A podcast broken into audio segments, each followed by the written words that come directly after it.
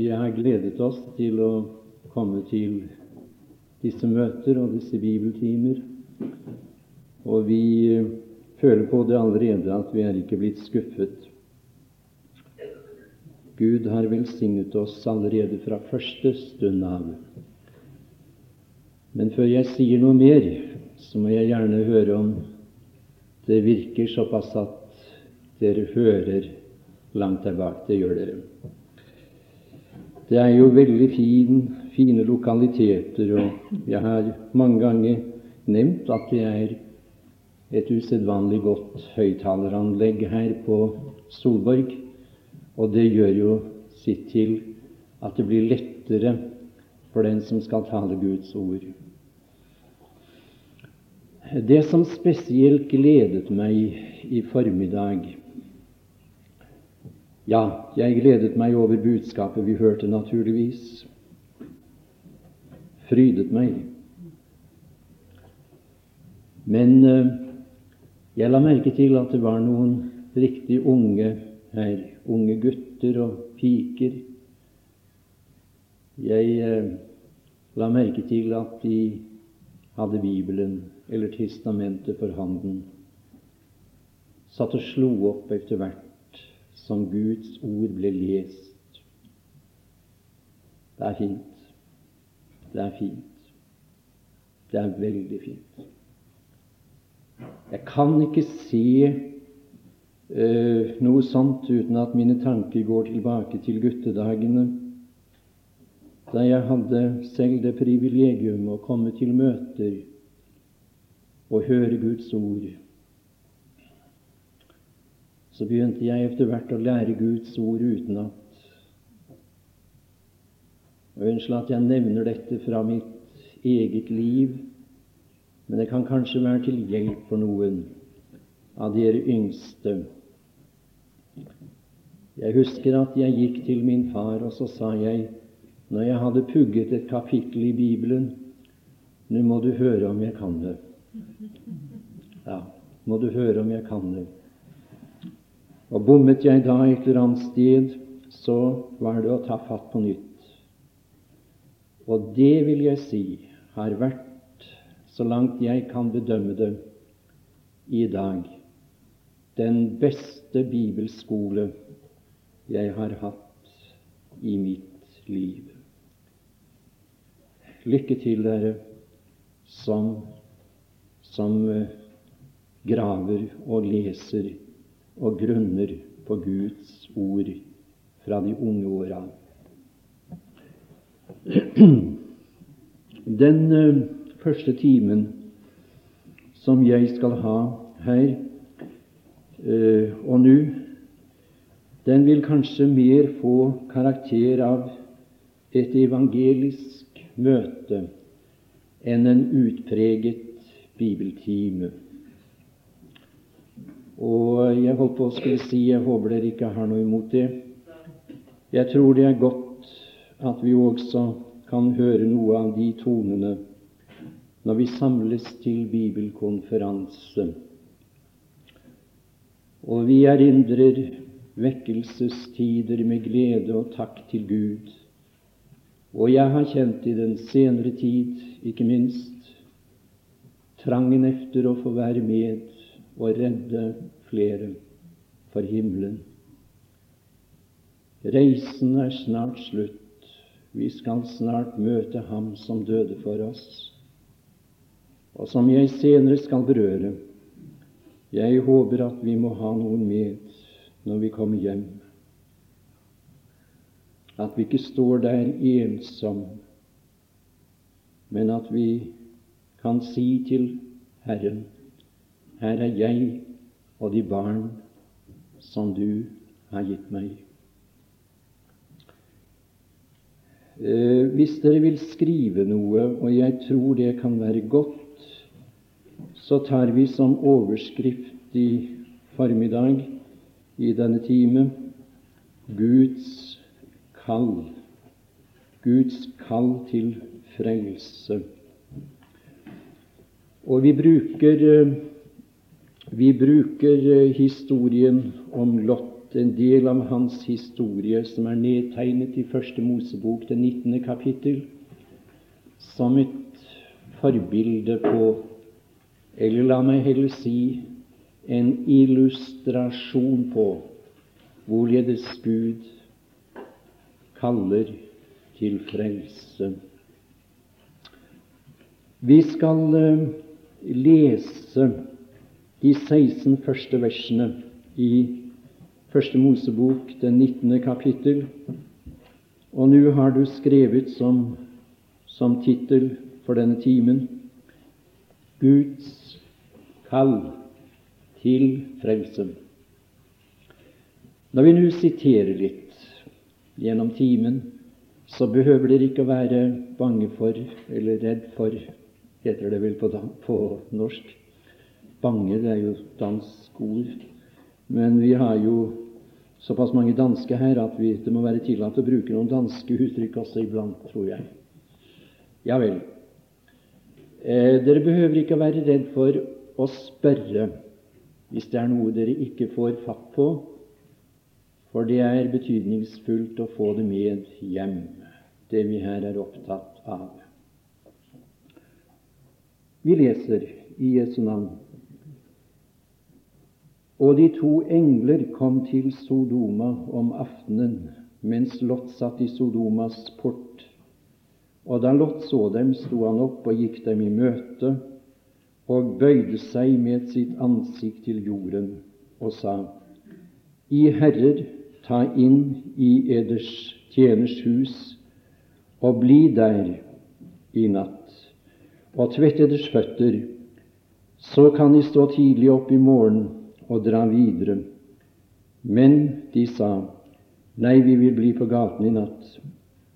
Da nødde han dem meget, og de tok inn hos ham i hans hus, og han gjorde i stand et måltid for dem, og bakte usyrede brød, og de åt. Så vidt jeg vet, er det første gang i Skriften at usyret brød er nevnt. Det er her i forbindelse med Lot. Det kan kanskje gi oss noe å tenke på. For eh, før de ennå hadde lagt seg, kom byens folk, mennene i Sodoma, både unge og gamle, hele folket fra alle kanter og omringet huset. Og de ropte på Lot og sa til ham, Hvor er de menn som er kommet til deg i natt? Før dem ut til oss så vi kan få vår vilje med dem. Da gikk Lot ut til dem i døren og lukket den efter seg og sa, Mine brødre, gjør deg ikke så ond en gjerning. Se, jeg har to døtre som ikke har hatt med noen mann å gjøre. La meg få føre dem ut til eder, og gjør med dem som i synes. Gjør bare ikke disse menn noe, siden de er kommet inn under skyggen av mitt tak. Men de ropte, Gå av veien. Og så sa de, Her er denne mann kommet for å bo som fremmed her, og så vil han alltid oppkaste seg til dommer. Nå vil vi fare verre med deg enn med dem. Så trengte de hårdt inn på mannen på Lott og stormet frem for å sprenge døren. Da strakte mennene hånden ut og tok Lot inntil seg i huset og lukket døren. Og de folk som sto utenfor døren til huset, slo de med blindhet, både små og store, så de forgjeves søkte å finne døren. Eh, vil dere merke dere vers 12? Vi skal komme tilbake til dem. Da sa mennene til Lot har du ennå noen her, enten svigersønn eller sønner eller døtre eller noen annen som hører deg til i byen, så før dem bort fra dette sted, for nå skal vi ødelegge dette sted, fordi et sterkt klageråp over dem er nådd opp til Herren. Og Herren har sendt oss for å ødelegge dem. Da gikk Lot ut og talte til sine svigersønner, dem som skulle ha hans døtre, og sa:" Stå opp og gå bort fra dette sted, for Herren vil ødelegge byen. Men hans svigersønner tenkte at han bare spøkte. Da nu morgenen grødde. Kanskje du allerede nå vil sette en strek under det, hvis du ikke har gjort det før i din bibel, hvis du da merker Bibelen over hodet. Hvis du praktiserer det, altså. Da nu morgenen grydde, skyndte englene på Lot og sa:" Stå opp, ta din hustru og dine to døtre som er her, for at du ikke skal bli revet bort på grunn av alt det vonde som er gjort her i byen. Og da han nølte, tok mennene ham og hans hustru og hans to døtre ved hånden fordi Herren ville spare ham. Og de førte ham ut og slapp ham ikke før de var ute av byen. Amen. I eh, de første versene i dette kapittel der finner vi en mann som sitter i Sodomas byport. Og så langt vi kan forstå, så sitter han der sannsynligvis henfalt i sine versligsinnede tanker. Lot er nu, efter alt å dømme, opptatt med langt andre ting enn Gud og himmelen og evigheten. Det er, som det heter i dag, de nære ting som opptar denne mannen. Mens man sitter der, så får han plutselig besøk. Og det er ikke noe sådant alminnelig besøk han får. Han får besøk, mine tilhørere, fra selve himmelen. Det er to engler. Skal også komme tilbake til det etter hvert som vi skrider frem i våre betraktninger. Men det er to engler, merk deg det, som kommer som møter opp der Lot sitter i Sodomas byport. Gud avla Lot et besøk da han satt der. Og det minner meg om de tider som de fleste av oss, vil jeg tro, har opplevd i våre liv i våre byer, i våre bygder, og det var vidunderlige tider da vekkelsens ånd blåste. Ja, på mine kne har jeg bedt om at vi må få oppleve det på nytt. Jeg savner, jeg savner de tider i dag. Jeg gjør det. Jeg skal ikke se bort fra, og det, det skal vi naturligvis ikke uh, i det hele tatt. Vi skal ikke ignorere eller se smått på det som skjer innenfor uh, ungdomsarbeidet på ungdomssektoren i dag. Uh, det er, det er mange unge mennesker som er kommet til frelse, som er kommet til klarhet gjennom eh, de forskjellige arrangement rundt om i vårt land, og ganske visst også i Danmark. De har hørt Guds ord, og de er kommet til frelse. De har opplevd frelse. Men jeg savner noe av eh, er det ikke det dere synger, skal tro? Gamle tiders vekkelse. Gamle tiders vekkelse vi venter. Eh, jeg er klar over at eh, eh, det går i en helt annen retning enn vekkelse i dag. Det er versliggjøring som særpreger vårt folk mer enn noensinne. Allikevel, jeg tror ikke det vil være riktig å, å, å gi opp tanken på at uh, Gud kan og vil gripe inn med vekkelse. Jo, han kom. Han kom kanskje når en minst ventet det. Der kom han. Og så var det noen som begynte å rope om frelse. Så kom de i nød. Så lå de på sine kne i sin dypeste uh, nød og ropte om redning og frelse. Ja, bare de som har opplevd det, vet hva det er. Jeg skulle ønske at vi kunne få kjenne noe av den luftning. Å, det har vært min bønn.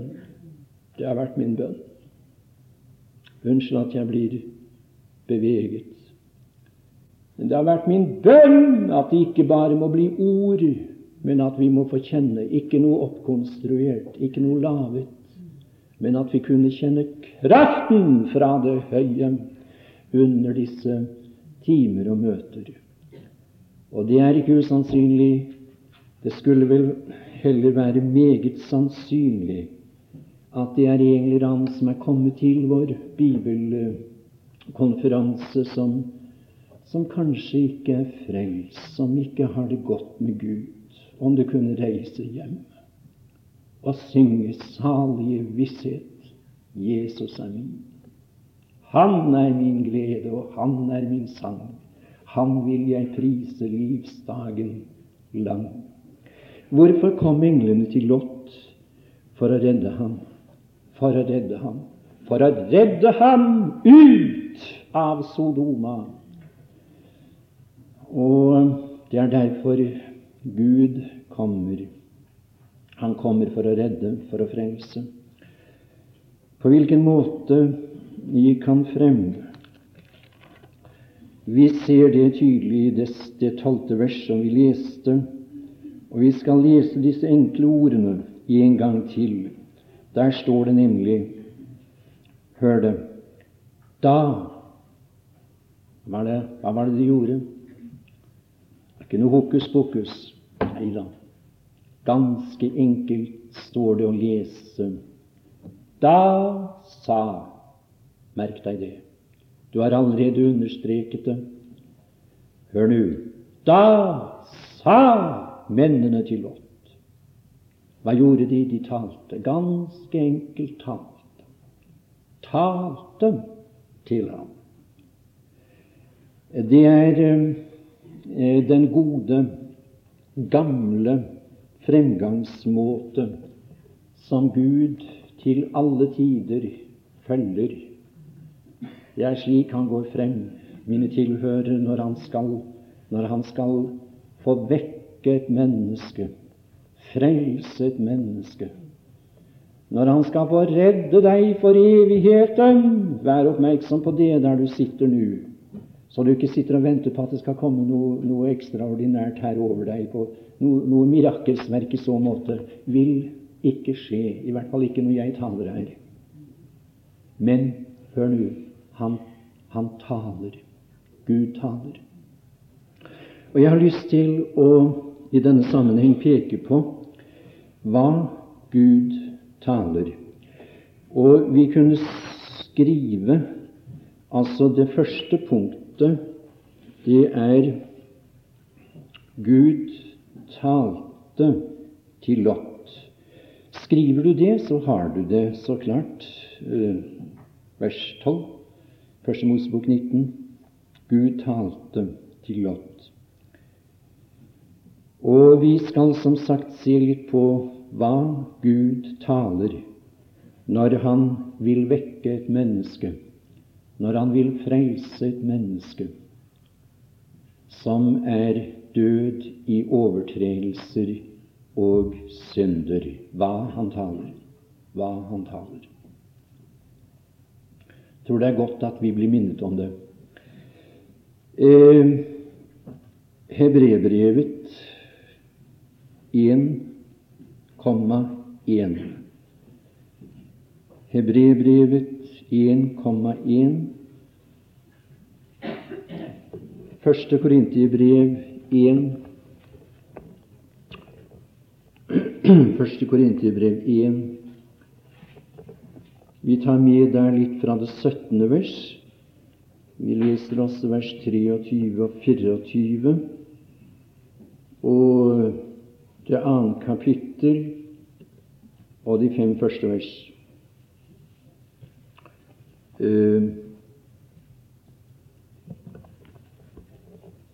skal vi slå opp og lese. Det var Hebrevbrevet 1. Efter at Gud for dem hadde talt Han hadde talt. Han hadde talt mange, gang, mange ganger, og han hadde talt, står det her, på mange måter. Mange ganger og på mange måter til fedrene ved profetene. Men så kommer det så har han i disse siste dager talt til oss. Det er de som lever i denne tids alder, i denne tidsperiode. Så har han i disse siste dager talt til oss ved Sønnen.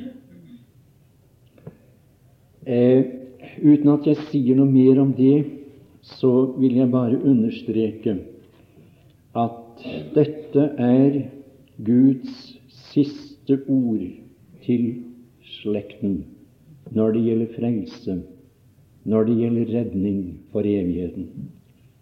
Jeg gjentar Kristus er Guds tale, og dette er Guds siste ord til menneskeslekten når det gjelder frelse.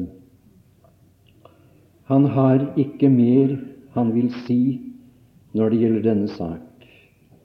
I første Korinterbrev, det, det første kapittel, vers 17 og 18 For Kristus har ikke utsendt meg for å døpe, men for å forkynne evangeliet, ikke med vise ord, for at Kristi kors ikke skulle tape sin kraft. Og så er det noe her som jeg tror det er verdt å merke seg. Det er hva apostelen Paulus forkynte i Korint. Nå skal ikke jeg ta noe tid til å beskrive forholdene og, og tilstanden som, som menneskene levde i og under i Korint. Men jeg vil bare peke på hva han forkynte da han kom til Korint. Det er det han forteller oss her. Skal du høre? Merk deg det uttrykket 'for ordet om korset'. Ordet om korset! Det var det han forkynte. Det var det han bar frem. Ordet om korset er vel en dårskap for dem som går fortapt, men for oss som blir frelst, er det en Guds kraft. Han regnet med kraften i ordet om korset. Og i det 23. og 24. vers er det også et par uttrykk som vi fester oss ved. Men vi forkynner Kristus korsfestet. Kristus korsfestet. Det var det han bar fremme. Eh, for jøder et anstøt, og for hedninger en dårskap. Men for dem som er kalt både jøder og grekere, forkynner vi Kristus, Guds kraft og Guds visdom. Hva forkynner vi? Hva får vi høre i dag når det prekes? Ja, det kan det være vel verdt å tenke litt over. Hva er det vi hører når vi går til et såkalt evangelisk møte? Hva er det som blir forkynt? Jeg hørte igjen i Kristiansand for en tid tilbake. men Det var rent uhyggelig. Det var veldig torden den aften. Ute, altså. Veldig torden. Det lynte så, så det lyste helt opp. Men jeg sa til min kone da vi kom ut av det teltmøtet det, det lyner og tordner ute, sa jeg. Men uh, det var jo langt verre inne i teltet. Jeg, jeg, har nesten ikke hørt noe så uhyggelig. Torden fra Sinai! Det var det som skulle vekke folket. Det var det som skulle, skulle føre dem til å se sin tilstand. Hva forkynte Paulus i Korint? Er vi pålagt å forkynne? Til syndere som er i nød, og som, som befinner seg i den tilstand kanskje at de ikke ser sin nød. Hva er det vi skal forkynne? Hva er det vi skal bringe frem? Ja, jeg ber ikke om unnskyldning for at jeg sier dette. Det kan du skrive opp at jeg ikke gjør. Jeg mener å vite litt om hva jeg her taler om, også erfaringsmessig.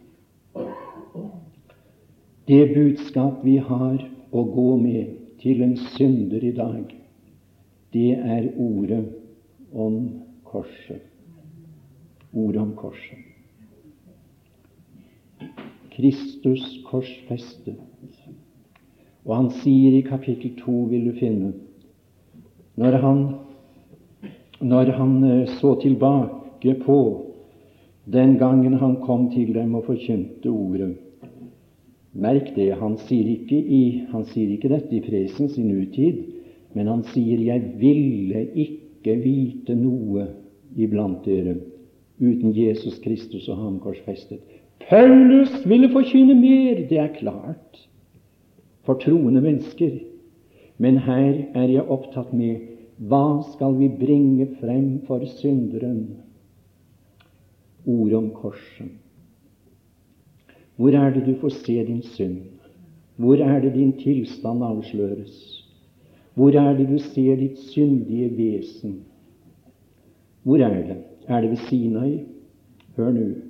Gud demonstrerte i 1524 år gjennom Israel, vi kan gjerne si jordens beste folk, at hele verden er skyldige for Gud som overtredere. Det er riktig.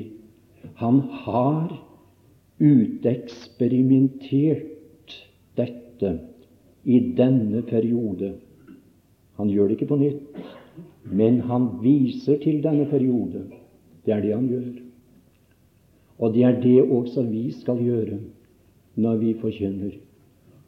Nei, ikke til Sinai for å se hva vi er, men til Golgata. Til Golgata. Jeg har betraktet min dyrebare frelser utover morgentimen i dag. Jeg har vært grepet. Jeg har sett herlighetens Herre bli ledet, blitt ledet til, til Golgata kors. Jeg har sett ham hudstrøket, tornekronet, spyttet på, forslått og forhånet. Jeg har fulgt ham til, til domstolen. Jeg har lyttet til ropene fra massen. De gjentok det som kjent. Korsfest, korsfest, korsfest. Jeg har sett det dype mørket som senket seg over naturen i de tre mørke timer da Guds sønn, jeg gjentar Herlighetens Herre, hang der. Jeg har lyttet til hans rop, min Gud, min Gud, hvorfor har du forlatt meg? Hva har jeg fått se?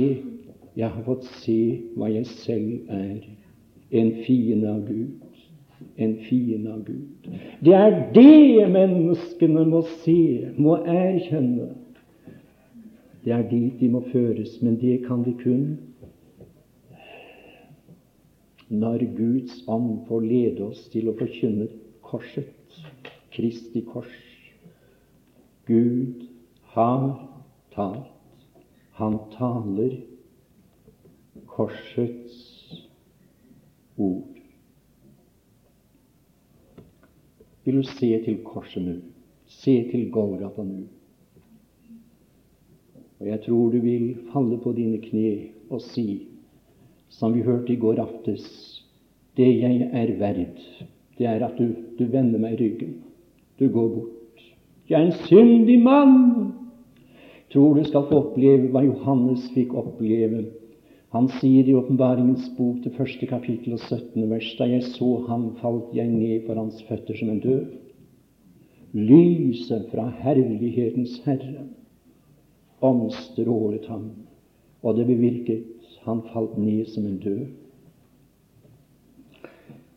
Men Kristi kors er det sterkeste uttrykk for nåde, Guds kjærlighet, Guds frelse. Og jeg har lyst til å lese noen, noen ord. Skal vi ta med fra, fra Esekiels bok, profeten Esekiel, og der i det eh, 16. kapittel. Profeten Esekiel, det 16. kapittel, og i det 63. vers 33. Eh, det er bare siste delen av verset. Det gjelder Israel, men det gjelder like meget oss. Gud være takk. Og det gjelder deg, om du måtte sitte her som bare ser at det er håpløst du ser deg som en ruin, og du mener det ikke er håp for deg. Og skal vi høre Noter deg Esekiel 16, 63, siste del av verset. Der heter det Når jeg forlater deg alt Og jeg har streket under bare et eneste ord i det verset. Alt. Alt. Alt som du har gjort. Ja, jeg må si som det ble nevnt i går aftes, det er mange ting, svært mange ting, som djevelen er en mester i å, å kalle frem og forstyrre meg med fra gammelt av. Det er det. Og jeg tror du kjenner deg igjen. Og jeg har under sjelesorg gjentatte ganger stått overfor mennesker som har sagt det tærer og nager, det uroer, det smerter, det gjør så vondt å tenke på det som hendte den gang, eller den gang. Jeg har talt ut med Gud om det. Men allikevel det kommer opp og opp og opp igjen. Har det så vondt. Da er det godt å kunne streke under et sådant ord. Alt, hør nå. Når Gud forlater et menneskes synder, da forlater han alt. Hør nå. Kristus døde for all synd på Golgata kors. All synd. Gud kan og vil forlate de synder Kristus døde for og sonet der. Det er evangeliet. Det er ordet om korset. Til en stakkars helvete fortjenende synder. Vil du gripe det? Kan du ikke nå sitte her og bare takke Gud for at det er slik?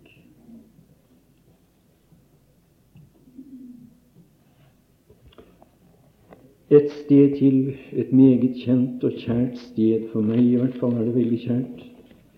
Jeg må stadig tilbake til det det er Isaias 43. Esaias 43. Og 25. Ja, Vi kan ta med det siste delen av vers 24 også. Uh,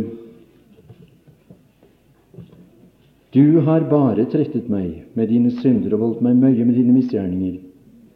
Jeg, jeg er den. Jeg, jeg er den som utsletter. Og det er verdt å streke under det også utsletter.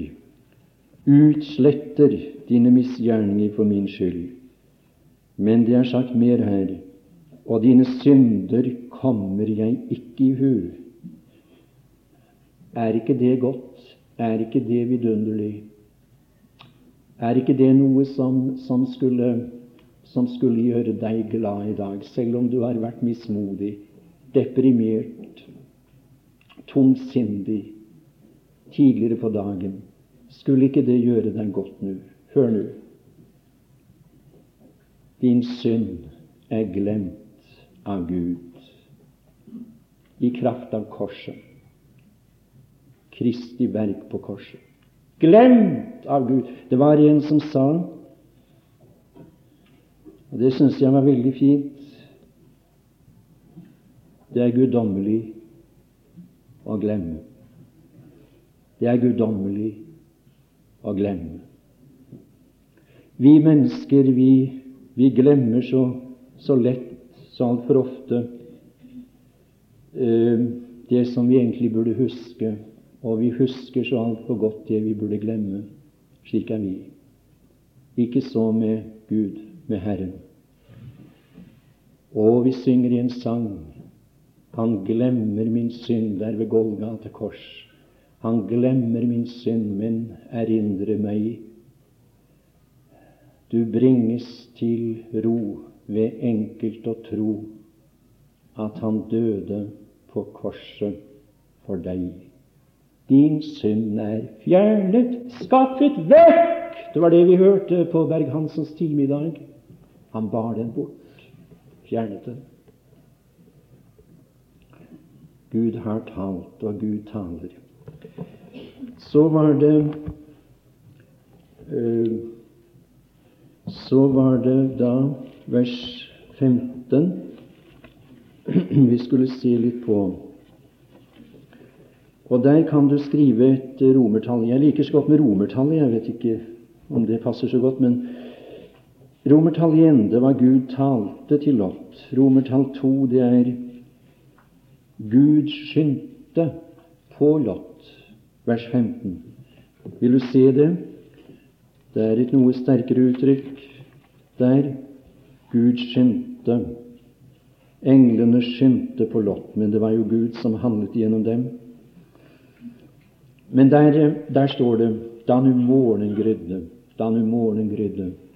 Og jeg liker å lese de ord i Skriften som forteller meg at det gryr mot dag. Det gryr mot dag. Det var natt da Lot satt i Sodomas byport. Men her heter det det gryr mot dag da morgenen grydde. Og jeg kommer i hu den gode og fine sangen som evangelistens tidligere redaktør uh, skrev. Det gryr mot dag, og natten er snart omme. En evig glede, eller en evig sommer, venter Jesu Kristi brud.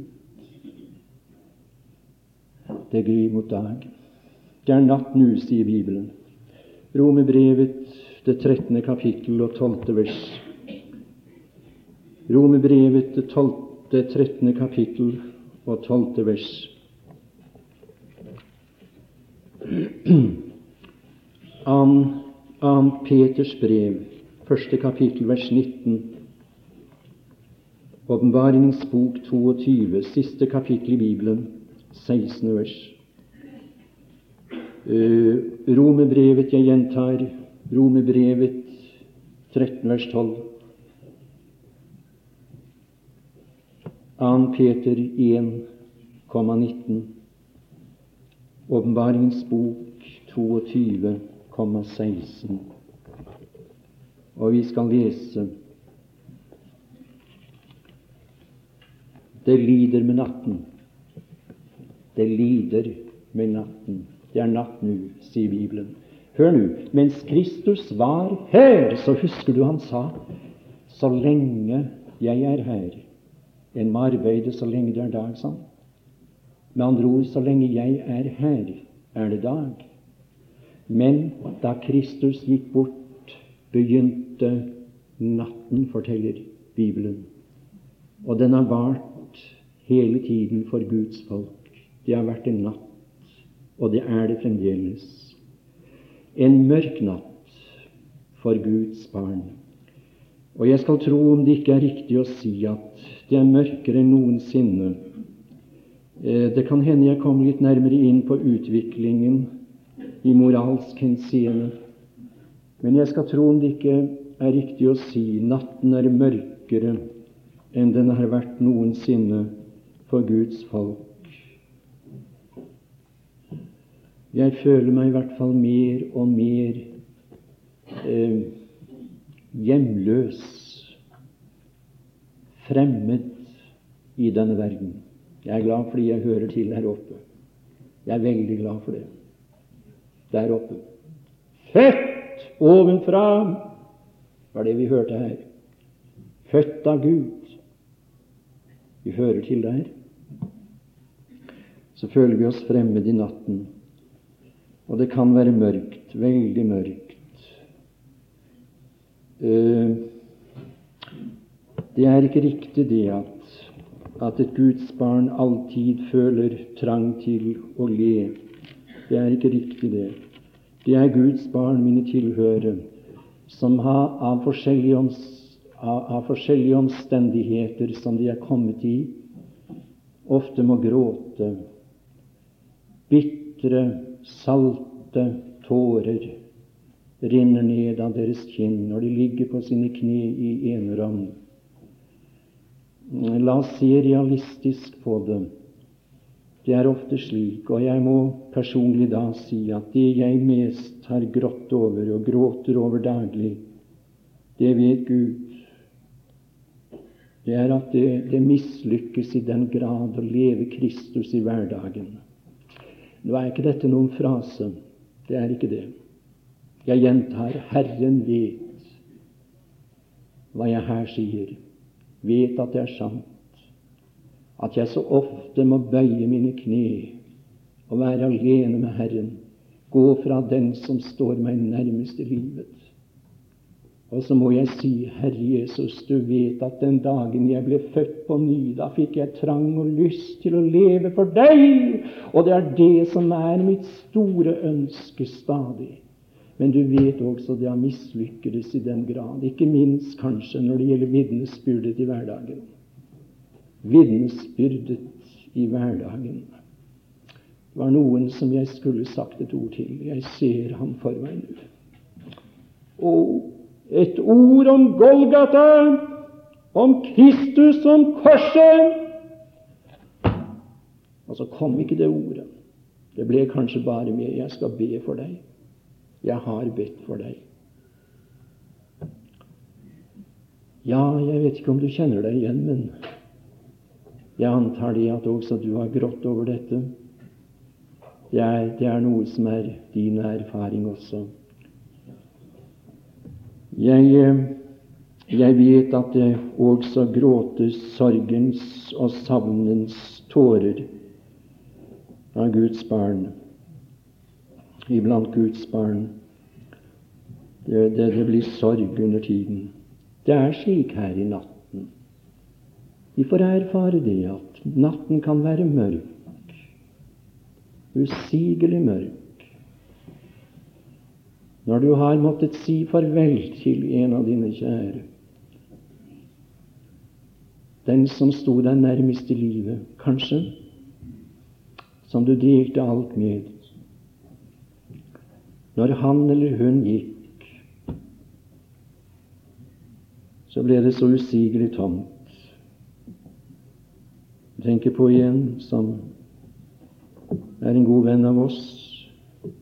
Hvis mann gikk bort så hastig Hun synes liksom at hun har ikke noe mer å leve for, har hun gitt uttrykk for. Ja, slik kan det være. Natt. Og vet du hva jeg gråter over? Blant annet at uh, det er flere innen vår familie som ennå ikke er frelst. som ennå ikke er frelst.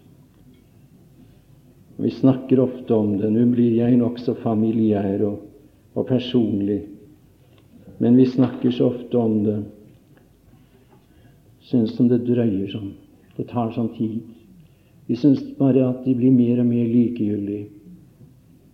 Verden får mer og mer tak på dem.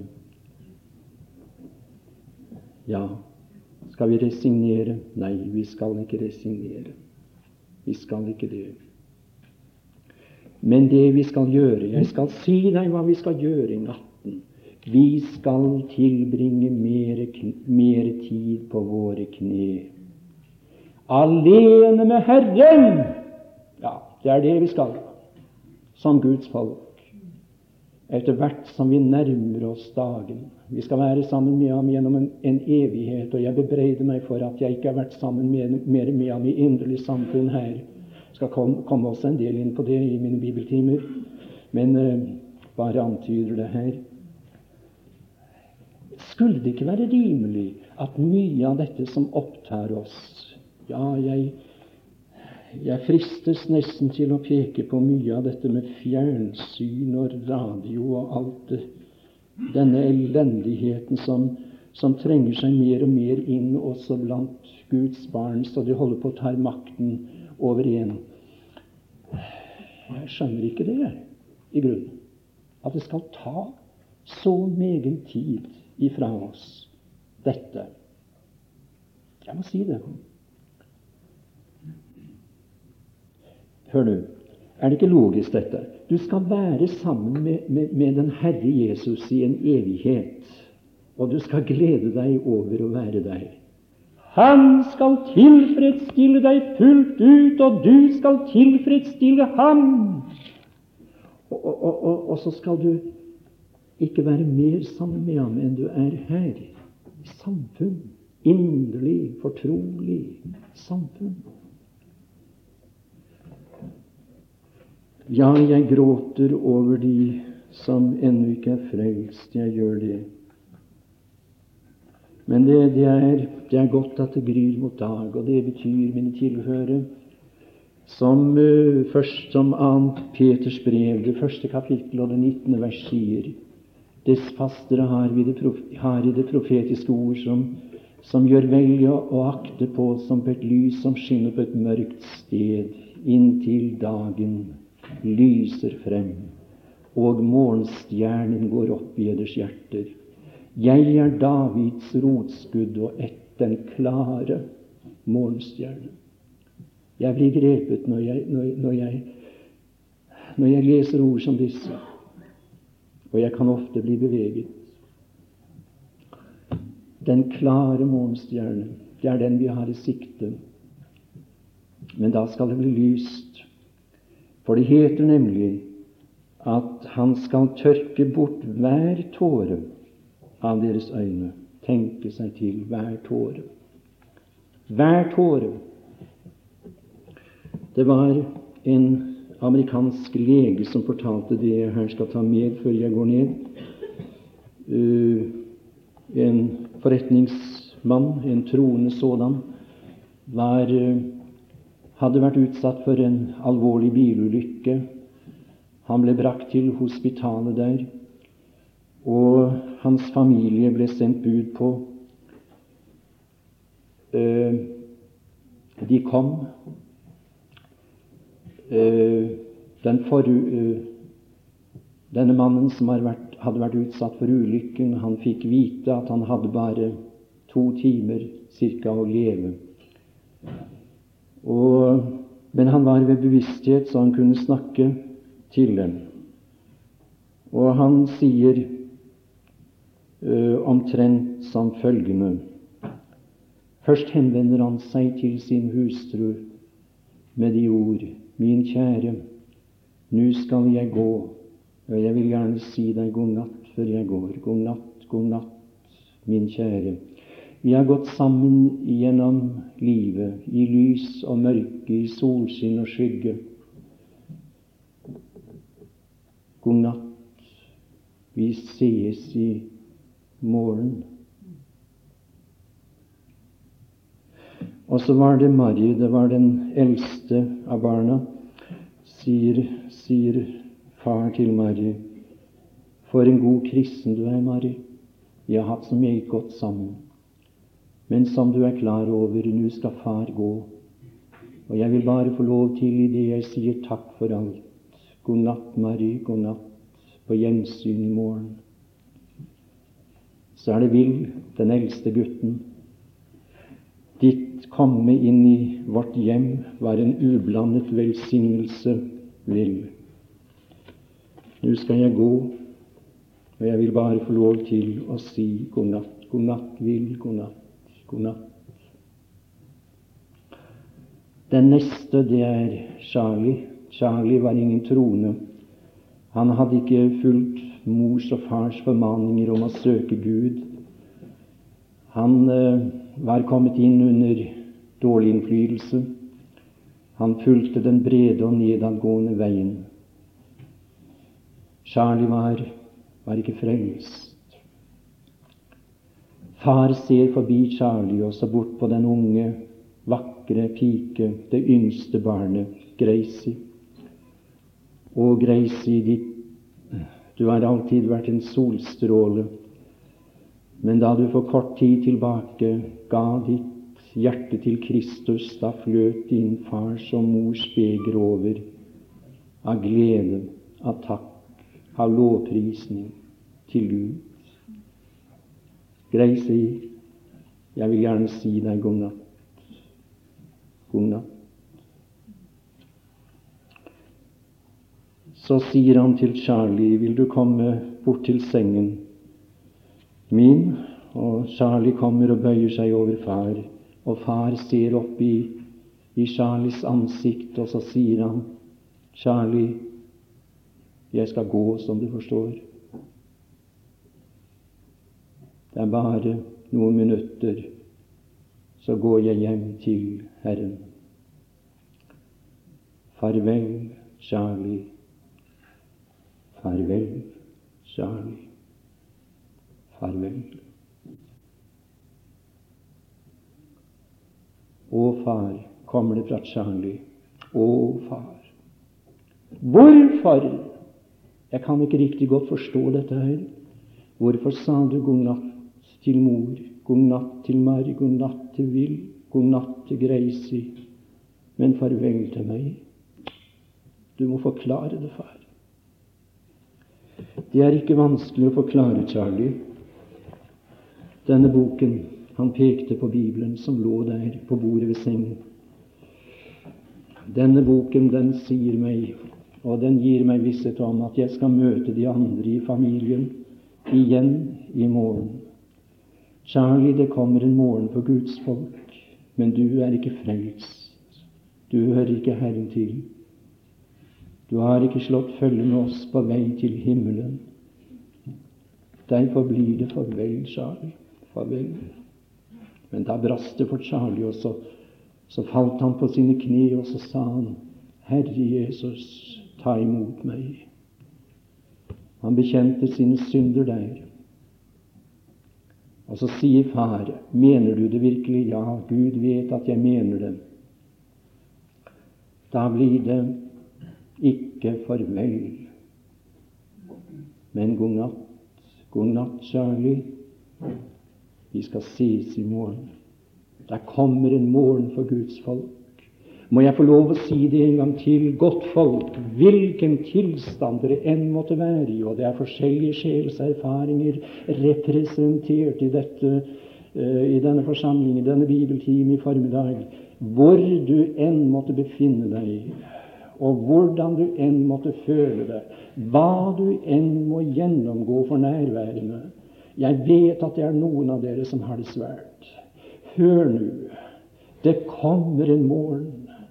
En lys og herlig morgen for Guds folk. Morgenstjernen er i sikte.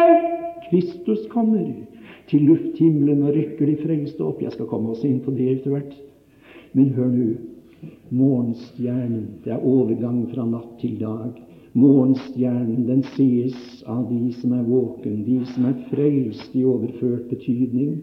Morgenstjernen påfølges av den mørkeste time i natten. Det vil bli mørkere når de frelste er borte. Må jeg få lov å spørre Charlie, er du her? Charlie, er du her? Lot, er du her?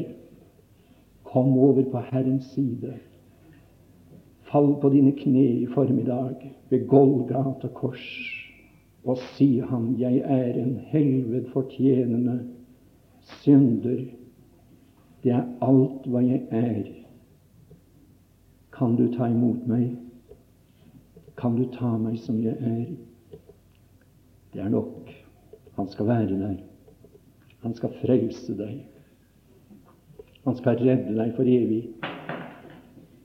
For det Gud gjør, det holder. Gud være takk. Det holder. Vers 16 sier så tok han fatt i ham. Han grep fatt i ham. Ser du stigningen her? Han tok fatt i Lot, og så førte han ham ut av byen. Ja, må jeg få lov å si, den dagen kommer gjerne da Gud ser seg nødt til å gripe fatt i et menneske. Og jeg kunne nevne tilfeller, eksempler på eksempler, som jeg har tenkt på i dag men jeg, tiden tillater det ikke nå. Da Gud måtte gripe fatt, og han grep fatt så hårdt for å frelse, for å redde. Lot lot seg lede ut. Skal ikke du bare lytte til hans tale, ord om korset? Han døde for deg. Det er din redning, vår Gud. Det ble vår redning din elskede sønn, døde. Døde i vårt sted. Var under den dom som vi skulle være under gjennom alle evigheter. Og jeg undres hvorfor Jesus stanset og tok meg opp. Men du gjorde det, Herre. Jeg kan ikke forklare det. Men jeg vet bare at det skjedde. Jeg vet også at ansvaret hviler på den som får Guds kall. Og det ønsker jeg å presisere i dag. Og det må du få legge tungt inn på hjertene her hvis det er noen som ikke er frelst. Må det bidra til dette enkle budskap som jeg har prøvd å bære frem, at vi kommer på våre kne oftere gjennom dagens løp. Tale med himmelens Gud om sjelene. Amen.